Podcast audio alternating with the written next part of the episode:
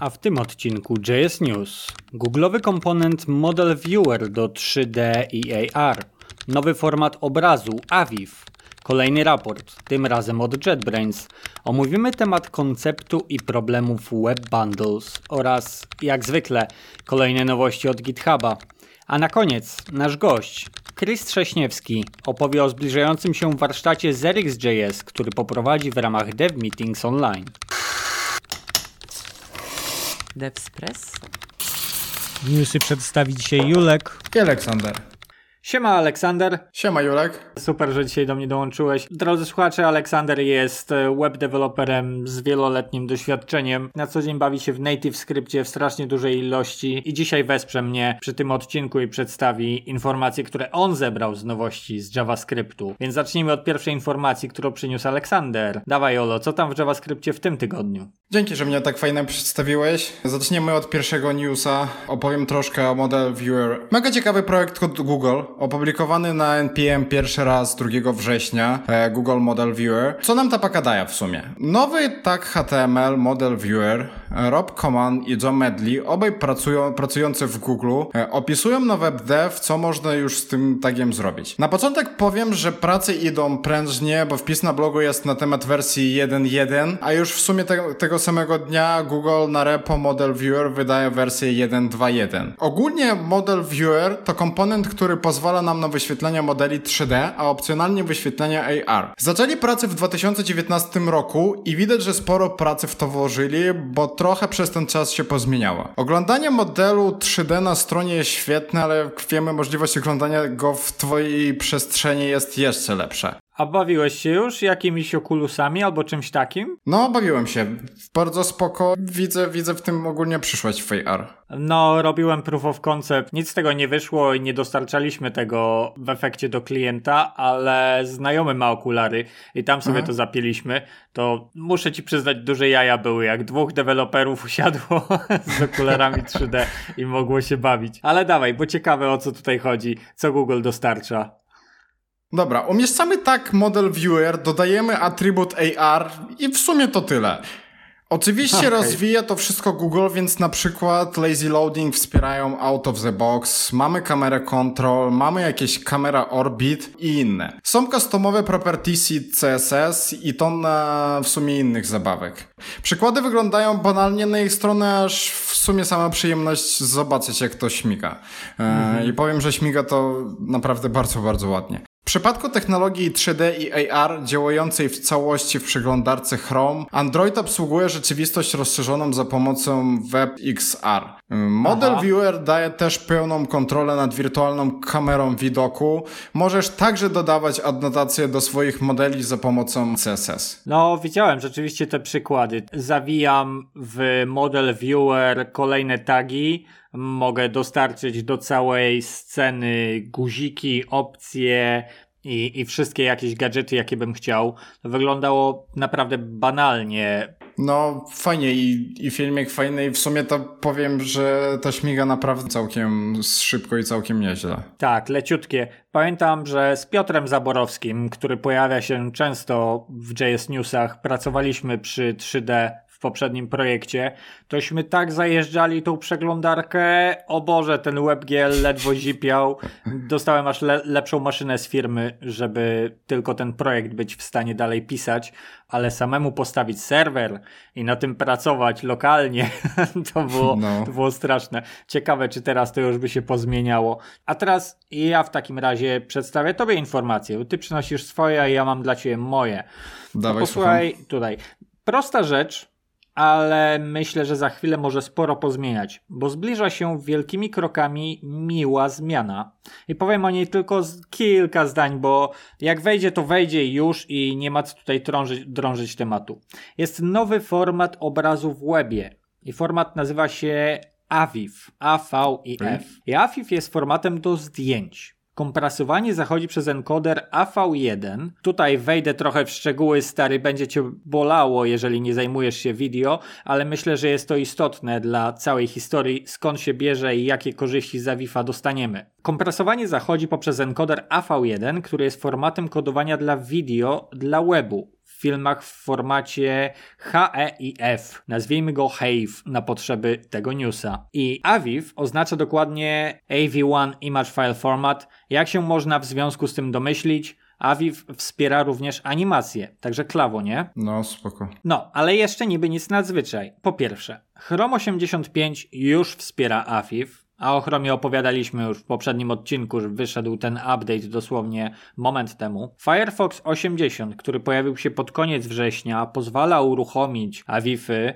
jeżeli ustawimy sobie w opcjach flagę, która pozwala je czytać, a Safari już się za to zabiera. Także widzimy, że przeglądarki brną do tego, żeby to u nich działało i są do tego bardzo dobre powody. Projekt pojawił się parę lat temu, a to dlatego, że trochę nie było wiadomo, co będzie z patentem na format HEVC czyli H.246, który można spotkać w necie bardzo często, bo w okolicach 2013-2014 roku, jak dopiero składali papiery o patent, nie wiadomo było, czy ta technologia zostanie udostępniona, czy nie, jako royalty free, prawda? Jeżeli będzie, czy będzie, czy nie mhm. będzie darmowa. W związku z czym to był kłopot i w tym samym czasie, w związku z tym zaczęto pracować nad Avifem. Taki jest powód powstania tego. I jeśli idzie o jakość, to z porównań wynika jasno, że zdjęcia względem JPEGa są lżejsze o 50%. To sporo. No, to sporo, ale posłuchaj tego, bo względem WebP są lżejsze o 30%. Czyli chwilę temu mieliśmy WebP, którego przecież wszyscy nadal jeszcze nie używają, a teraz już pojawia się kolejny format, który będzie dużo sprawniejszy. No. I ogólnie technologia jest taka fajna, że można z niej serwować filmy w jakości 4K z zachowaniem 120 klatek. Także to jest bardzo miło i to jest bardzo wysoki poziom technologii, ale jedynie co tutaj muszę zaznaczyć to to, że obecnie niestety przez to, że nie jest to tak powszechnie wspierany format w webie, to nie jest rozwinięty na tyle, żeby pozwolić na streamowanie wideo w formatach e, skompresowanych przez AV1. I gdyby to się stało, to mielibyśmy duży performance boost, ale no niestety jeszcze na to chwilę zaczekamy. Pierwsze pokazanie AFIF nastąpiło już w 2018. Netflix pokazał, potem VLC to zaimplementowało, potem Windows i ogólnie to już jest i hula, ale co istotne, to teraz wchodzi do webu. Co o tym sądzisz? Powiem ci, że bardzo spoko. Bardzo spoko i moim zdaniem, jeżeli deweloperzy zaczną, zaczną tego naprawdę używać, no to powiem ci, że to może wygryźć większość innych formatów. Bo jeżeli mówisz o wideo, to na pewno też, na pewno też mamy dostęp do kanału Alpha, na pewno też zamieni PNG, e, na pewno też pozamienia wszystkie GIFy i tak dalej. Tak jak mówisz, jeżeli, jeżeli to naprawdę o 50% jest lżejsze niż JPEG, no to panie, naprawdę to jest super. No, to jest duża zmiana, nie? No. A jeśli chodzi o zastępstwo GIFów, to również w to właśnie celują, ponieważ dzięki Avivowi można zaserwować animację zamkniętą w e, HTML-owym tagu picture, okay. bo Aviv po prostu zostanie wtedy przeczytany i tak i tak i nie trzeba się tym przejmować. Oraz druga rzecz, ma większą głębię kolorów. To tak przy okazji niż GIFy. Więc no. też jest tutaj sugerowanym rozwiązaniem w tym kierunku. No ale zobaczymy jak będzie. E, myślę, że z pewnością to wejdzie, skoro już jest w Chromie, w najpopularniejszej przeglądarce, no to wiemy, to za chwilę zostanie spropagowane wszędzie dalej. Także taka miła ciekawostka ode mnie. Dobra, to jeżeli już mówimy o takich popularnych rzeczach, tak jak mówisz, Chrome jest popularną przeglądarką, to powiem Ci, przedstawię Ci jeszcze jednego newsa o popularnym Bootstrapie, a mianowicie o yy, ikonach w Bootstrapie. E, ogólnie tak, okay. po pięciu alfach w ciągu ostatnich dziewięciu miesięcy e, ikony Bootstrap oficjalnie ustabilizowali się w wersji 1.0 i mamy teraz Aha. oficjalny release. E, w tej chwili mamy 1100 ikon i, i zapowiada się, że będzie jeszcze więcej, bo od piątej alfy w przeciągu dwóch miesięcy oni przerysowali e, około 30% ikon. Okej, okay, ale czekaj, to są to są ich własne, tak? Bo wydaje tak. mi się tam zawsze font osom było wcześniej albo coś takiego serwowali i pokazywali u siebie. A to jest 100% niezależne od frameworku Bootstrapa same ikony, tak? Dokładnie. Dokładnie tak Super. jest. Bazują na SVG.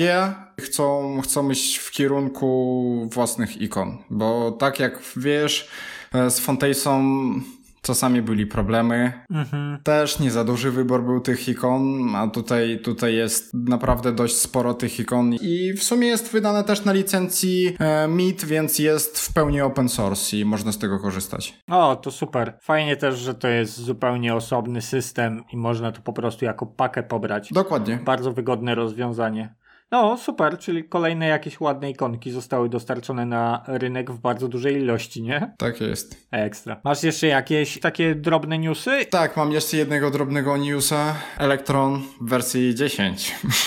Jeśli ktoś pisze desktopy, to przyszedł update do niego. Electron 10.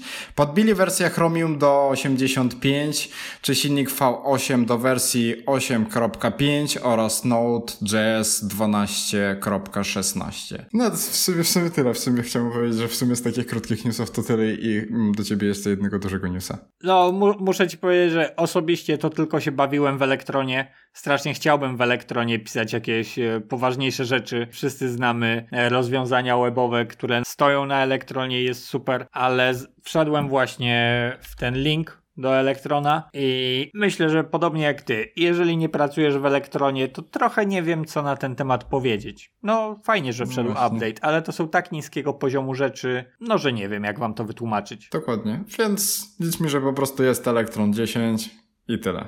To mam do ciebie, dla ciebie jeszcze jednego dużego newsa, a mianowicie nowy raporcik od JetBrainsów, The State of Developer Ecosystem Od JetBrainsów? 2020. Od JetBrains, no. Oni robią raporty? Tak, O, to jest ciekawe. Okej. no jak widać, jak widać to robią. No to dawaj, co tam się dzieje? Dobra, nawiązując do poprzedniego tygodnia, gdzie opowiadaliśmy o raporcie State of Frontend, też mam dzisiaj fajny raport dla miłośników danych, e, tak jak wspominałem od JetBrains. Na początku tego roku w badaniu wzięło udział około 2000 programistów, i w sumie co my tu mamy? Pierwsze, Java jest najpopularniejszym podstawowym językiem. Okej. Okej. Drugie, JavaScript to najczęściej używany język programowania. Trzecie, najwięcej osób pracuje nad kodowaniem stron internetowych. W sumie to jakoś mnie nie zaskoczyło. Trochę tak, no nie? No. Czwarte, najwięcej osób koduje backend. No to akurat mnie zaskoczyło, bo myślałem, że będzie front. Ja się zastanawiam nad tym, że może na backendzie jest więcej kodu do napisania, nie wiem, no. Piątka. Go, Kotlin, Python to trzy najpopularniejsze języki, na które programiści planują się przesiąść w najbliższym czasie. W sumie sam planuję troszkę pokodować więcej w Pythonie, szczerze mówiąc. No i ja troszkę bym się przyłożył do Go. Okej. Nie wiem jeszcze, co mógłbym tutaj zrobić w nim i uczynić, biorąc pod uwagę moją karierę frontend dewelopera, ale podobało, podoba mi się jak wygląda i mam nadzieję, że się w nim pobawię w najbliższym okresie, że znajdę moment. Super. Szczerze mówiąc, to nie miałem, nie miałem okazji bawić się w Go, ale słyszałem, że znajomi mówią, że naprawdę, naprawdę jest super. Aha. No i w sumie ostatnie Python wyprzedził Java na liście języków używanych w ciągu ostatnich 12 miesięcy. Jest to najczęściej e, studiowany język. I w ciągu ostatnich 12 miesięcy 30% respondentów zaczęło lub kontynuowało naukę Pythona. W sumie to jest nawet więcej niż w zeszłym roku. Ulala. No. Ale to potwierdza trochę to, co powiedział nam Stack Overflow Raport, bo Python też był używany częściej niż Java. O parę procent, o ile dobrze pamiętam, ale Java spadła o jedno miejsce w dół, jeżeli idzie o wykorzystywane technologie, nie? No, teraz ostro idzie do przodu. No, nie ma co się dziwić, jest przecież kozakiem. Tak jest. Może coś jeszcze dla mnie masz? Stary, oczywiście, że mam jeszcze dla ciebie rzeczy. Ty mi jedną, ja tobie jedną. Web bundles are coming or are they? Bo web bundles to taki fajny koncept, który zaraz rozwinę, ale co do zasady chciałbym tutaj powiedzieć o czym innym. Przeglądarka Brave ma bloga i wyrażają tam swoje opinie na temat tego, co sądzą na temat sugestii co do tego, co powinno się pojawić, albo projektów, które obecnie trwają i są implementowane przez inne firmy, jak w tym przypadku Google. Dokładnie na blogu w tym momencie Brave wy, wypowiedział się na temat Web Bundle. Peter Sinder, który jest pro-privacy researcherem w Brave'ie, ostro zjechał temat Web Bundli, bo temat wydaje mi się ciekawy nie tylko przez same Web Bundle i Brave'a, ale też przez to, kto jest w to zaangażowany i co tutaj się dzieje. Także zaraz powiem, powiem, dlaczego Brave się irytuje na ten pomysł o bundlach, ale najpierw trzeba coś powiedzieć o graczach. Także pierwsza sprawa Web Bundle. Znowuż pomysł Google'a. Bierzesz pan swój projekt webowy, puszczasz komendę w terminalu, która brzmi proszę mi to spakować i od tej Okej. pory twój projekt może być przekazany gdziekolwiek dalej i wcale nie musi zostać przekaza- przekazany za pomocą sieci.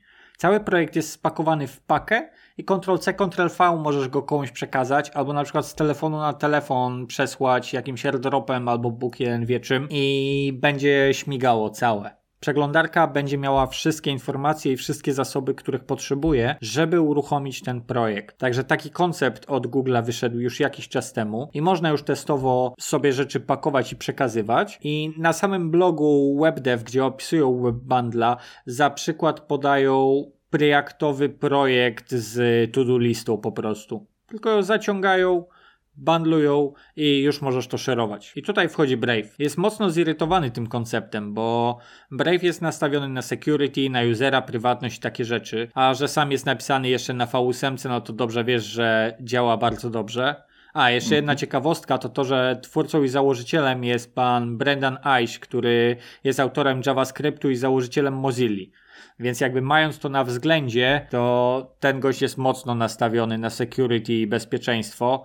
I tutaj wyrażana jest opinia całego Brave'a w temacie tych bundli. No i autor ostro zjechał web bundles i cały standard. Jak sam napisał, organizations, users, researchers and regulators who believe in open, user-serving, transparent web should oppose this standard. No i przede wszystkim motyw jest prosty. Web w tej chwili posługuje się URL-ami, a URL-e no nie są bez znaczenia, są bardzo istotnym elementem, który pozwala weryfikować twoje projekty, no nie? Tak jest. puszczać testy, puszczać roboty, sprawdzać twoje source'y wszystkie i walidować, czy się zgadzają z tym, co miało przyjść z serwera. A w tym przypadku, przez to, że tych urli właściwie nie będzie, to jakby wszystko idzie w piach. Web jest valuable przez to właśnie, że jest user-centryczny, user-kontrolowalny i wiesz, my to edytujemy, kiedy używasz sieci, tak? A w tym przypadku wprowadzenie tego rozwiązania, właściwie przeglądarka nie ma żadnej możliwości weryfikacji treści, Tak jest. bo wszystko jest już i tak spakowane. No i jakby wiesz, elo, nie? No tak. Więc ten temat zaczyna rosnąć. Pan Snyder również e, starał się na GitHubie zaadresować ten problem i pogadać z deweloperami Google'a na temat security issues, ale wątek został przeniesiony na czat prywatny. I jakby znowu elo, nie? No tak. Napisali mu wyraźnie, spoko, spoko, ale to może zostać wykorzystane źle w przyszłości, więc przenosimy tę dyskusję na wątek prywatny. Jakby Okej. koniec dyskusji. Z jednej strony idzie fajny temat, a z drugiej strony ktoś się tutaj czepił do pomysłu na technologię i jakby łatwo został zamknięty w tym No. przypadku. Więc taka niewygodna sytuacja trochę wychodzi, jeżeli prześledzić, co się wydarzyło tutaj w czasie. W każdym razie Web Bundles jest bardzo ciekawym pomysłem. Może świetnie działać wszędzie tam, gdzie jest słaba sieć albo nie ma sieci. No to by było niesamowicie wygodne, ale jeżeli chodzi o zagrożenia, to no nie muszę się bardzo skupiać, żeby widzieć, jak duże problemy może to przynieść, prawda? Dokładnie. Spoko. Ja dla ciebie jeszcze mam ostatniego newsa. Będzie to w jakimś stopniu pewnie niespodzianka dla ciebie. Porozmawiamy o GitHubie. ja w sumie jak w każdym odcinku. Jak Łukasz powiedział w poprzednim odcinku, to już jest tradycja.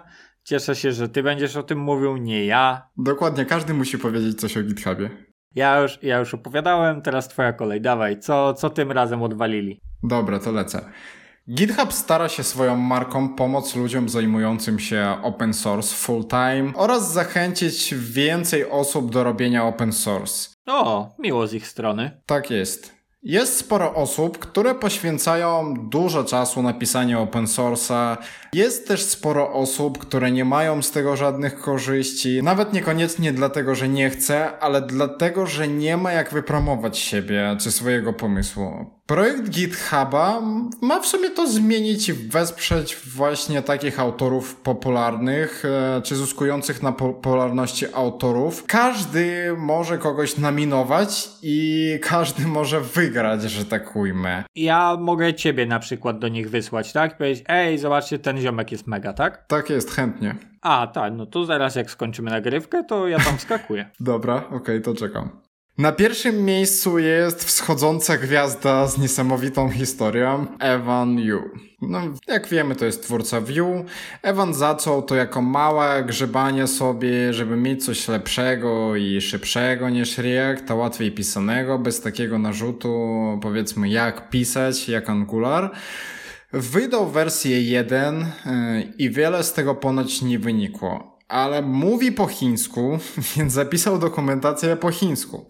I okazuje się, że to zmieniło wszystko, bo chińscy deweloperzy, bo chińscy deweloperzy działają trochę inaczej niż my. E, co mam na myśli? No na przykład to, że bardzo często nie korzystają z danych paczek, bo po prostu nie rozumieją angielskiego i korzystają z tych, które mają tłumaczenia. Aha. I jeżeli nie mają tłumaczeń, to robisz forka, piszesz po chińsku dokumentację i masz bardzo popularną w Chinach paczkę. Prosty sposób. Czyli nie przejmują się całą kwestią jakby intellectual property i takie rzeczy, no nie? Inaczej do tego podchodzą.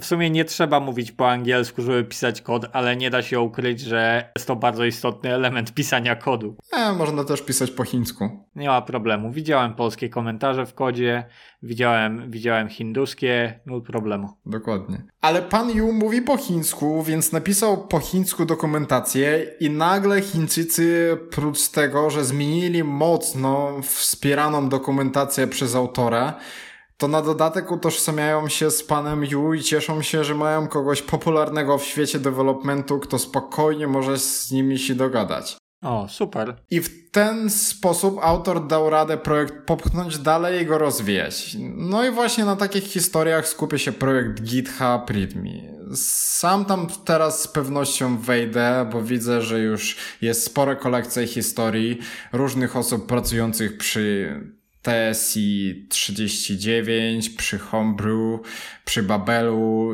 przy innych. Aha. W sumie to ja bardzo, bardzo się cieszę, bo tak naprawdę jest bardzo ważne dla mnie, żebyśmy dzielili się wiedzą o ludziach, którzy tworzą dla nas te narzędzie. Więc jak wiemy, kod sam się nie pisze, trzeba go pisać. Ktoś poświęcił na to czas i energię i warto przynajmniej dowiedzieć się, tak powiem, czy gada da się lubić, czy nie. no prawda, prawda, no też tak uważam. Znam parę nazwisk osób, bibliotek, w których, w których pracuję nie, kłamie, znam jedną, Dan Abramów. No właśnie. No a reszta, no tak, a kto, to, a kto to napisał, a kto to zrobił, a skąd się to wzięło, no nie? To jest ciekawe. Nie zawsze też są open source'owe i mówisz mi, że właśnie o tym ten projekt powinien być i informacje przynieść, nie? Dokładnie. Dokładnie tak jest. To, to, to ciekawe. No zaraz jak skończymy nagrywki, to cię tam wrzucam to Spoko. będą dzwonić. To jesteśmy umówieni. Jestem ciekaw tych artykułów. O panu Yu też już słyszałem wcześniej. To Aha. rzeczywiście ciekawe z tymi Chińczykami, no nie? Wiesz, w sumie stary, możemy teraz na NPM-ie robić paczkę po chińsku i jesteśmy w topie. No, powiem ci, że gdybym potrafił po chińsku, to bym tak robił. Okej, okay, no to może translator. Dobra, powiedz mi, że to jest koniec newsów o GitHubie na dzisiaj. Eee, nie, ty byś chciał. Ale nie. Chciałbym. Dobra, to mam ostatni. Naprawdę ostatni. Okay. Dobra, to lecę. GitHub zaprezentował GitHub Container Registry, usługę zaprojektowaną w celu ulepszenia sposobu obsługi kontenerów w pakietach GitHub do zarządzania pakietami. GitHub Container Registry jest dostępny jako publiczna betka. Co więcej powiem, no, dzięki nowym funkcjonalnościom wprowadzonym dzisiaj możesz lepiej egzekwować zasady dostępu, zachęcać do korzystania ze standardowego podstawowego obrazu i promować inner sourcing poprzez łatwiejsze udostępnianie w całej organizacji. Container Registry jest teraz bezpłatny dla publicznych obrazów, także jest bezpłatny dla prywatnych. W wersji, w tej wersji teraz beta, w wersji publicznej będzie się stosować ten sam model cenowy co i teraz. W sumie to tyle. Super. Aha, okej, okay, czyli pricing jakiś nakładany przez GitHuba. Nie wiem, nie używam płatnego GitHuba jeszcze, chociaż jestem o krok momentami, ale rozumiem, że to za chwilę się pojawi. No spoko, to bardzo wygodna sprawa. Kolejna rzecz, która jest na GitHubie i nie trzeba nigdzie indziej iść, Boże, ile, ile oni teraz dostarczają, ile dowożą, jak duże zasoby ludzi muszą tam siedzieć, no nie? Ile robią nam newsów dla odcinków. Tak, to nie chciałbym zanudzać ludzi za bardzo, że ciągle GitHub i GitHub, ale nie da się ukryć, to są spore ilości informacji, jakie dostarczają w tym momencie. Dobra, to teraz jeszcze chwilę porozmawiam z Chrisem Trześniewskim, który będzie prowadził warsztat z Eric.jsa w najbliższy weekend. Cześć Chris, fajnie, że do nas wpadłeś dzisiaj, dzięki. Cześć, fajnie, fajnie tu być również. Powiedz mi, przygotowujesz warsztat na następny weekend. Jaka jest tematyka warsztatu, który poprowadzisz w ramach Dev Meetings Online? E, chciałbym e, wprowadzić e, uczestników w reaktywne programowanie w Angularze przy pomocy mhm. biblioteki RxJS. To brzmi ciekawie. RxJS, reaktywne programowanie, to jest jakieś zarządzanie stanem aplikacji, prawda? No nie jest to tylko zarządzanie stanem, jest to praktycznie, można w tym zaprojektować nawet całe, całą interakcję w aplikacji. Oczywiście nie mhm. zawsze ma to, to, to sens, ale daje to ogromnie, ogromne możliwości ponad zwykłe promisy, do których jesteśmy przyzwyczajeni od dawien dawna. Czego uczestnicy dowiedzą się od Ciebie w trakcie warsztatu? No na początek, żeby wyrównać poziom, y, wprowadzę podstawowe pojęcia z RxJS-a i bazując już na tym, wejdziemy w Angulara i jak możemy wykorzystać to w, y, w nim. Powiemy o tym, jak można y, używać RxJS-a właśnie inputach, w outputach, jak możemy łączyć strumienie, które nam dostarcza RxJS i wykonywać dużo więcej interakcji z ich pomocą. Mhm. Czyli właściwie od zera do bohatera, ale będziemy pracować na Angularze i warto mieć podstawy. Na pewno y, podstawy Angulara są w tym wypadku wymagane. Mhm. Angular jest to jeden z frameworków, który wykorzystuje RxJS-a już w swoim designie, więc jest to jedno z miejsc, w którym się prawdopodobnie większość, y, wiele deweloperów spotyka z nim y, po raz pierwszy. Mhm. Na tym warsztacie chciałbym wyjść poza zwykłe użycie subscribe, żeby wykorzystać w pełni moc observables i operatorów, które y, pozwalają nimi ma manipulować. Czyli przedstawisz szersze możliwości niż tylko jakieś proste subskrypcje w RxJS-ie. Brzmi super. A powiedz mi jeszcze w skrócie, od kiedy ty pracujesz z RxJS-em? Jaki jest twój background? Pracuję już z RxJS-em tak naprawdę od wersji beta Angulara drugiego. Uuu. Więc to było już jakiś czas temu. Wtedy jeszcze to było właśnie takie prawie jak z promisami, ale na jednym z projektów kilka lat temu miałem okazję się wgłębić w to do, dużo bardziej mm -hmm. i odkryłem, że po prostu teraz nie potrafię myśleć inaczej niż strumieniami. Aha, rozumiem. Czyli zmieniło ci się w ogóle podejście do tego, w jaki sposób myślisz o budowaniu aplikacji. Dokładnie. Można to wykorzystać bardzo wielu y, zastosowaniach. Kapuję. No świetnie. Dzięki wielkie w takim razie, Chris, że do nas wpadłeś. Z naszej strony zapraszam wszystkich y, na 12 września na warsztaty Dev Meetings Online, które odbędą się, jak nazwa wskazuje, na online. No i jeszcze raz dzięki, że wpadłeś. Dzięki wielkie i do zobaczenia. Aleksander, dzięki wielkie, że wpadłeś. Przedstawiłeś nam swoje informacje. Dzięki Julek, że zaprosiłeś. Dołączysz do nas jeszcze kiedyś? Tak jest. O, planujesz, świetnie, świetnie, to umówimy się zaraz po spotkaniu. Super, no to w tym tygodniu to wszystko i dzięki, na razie do następnego. Dzięki.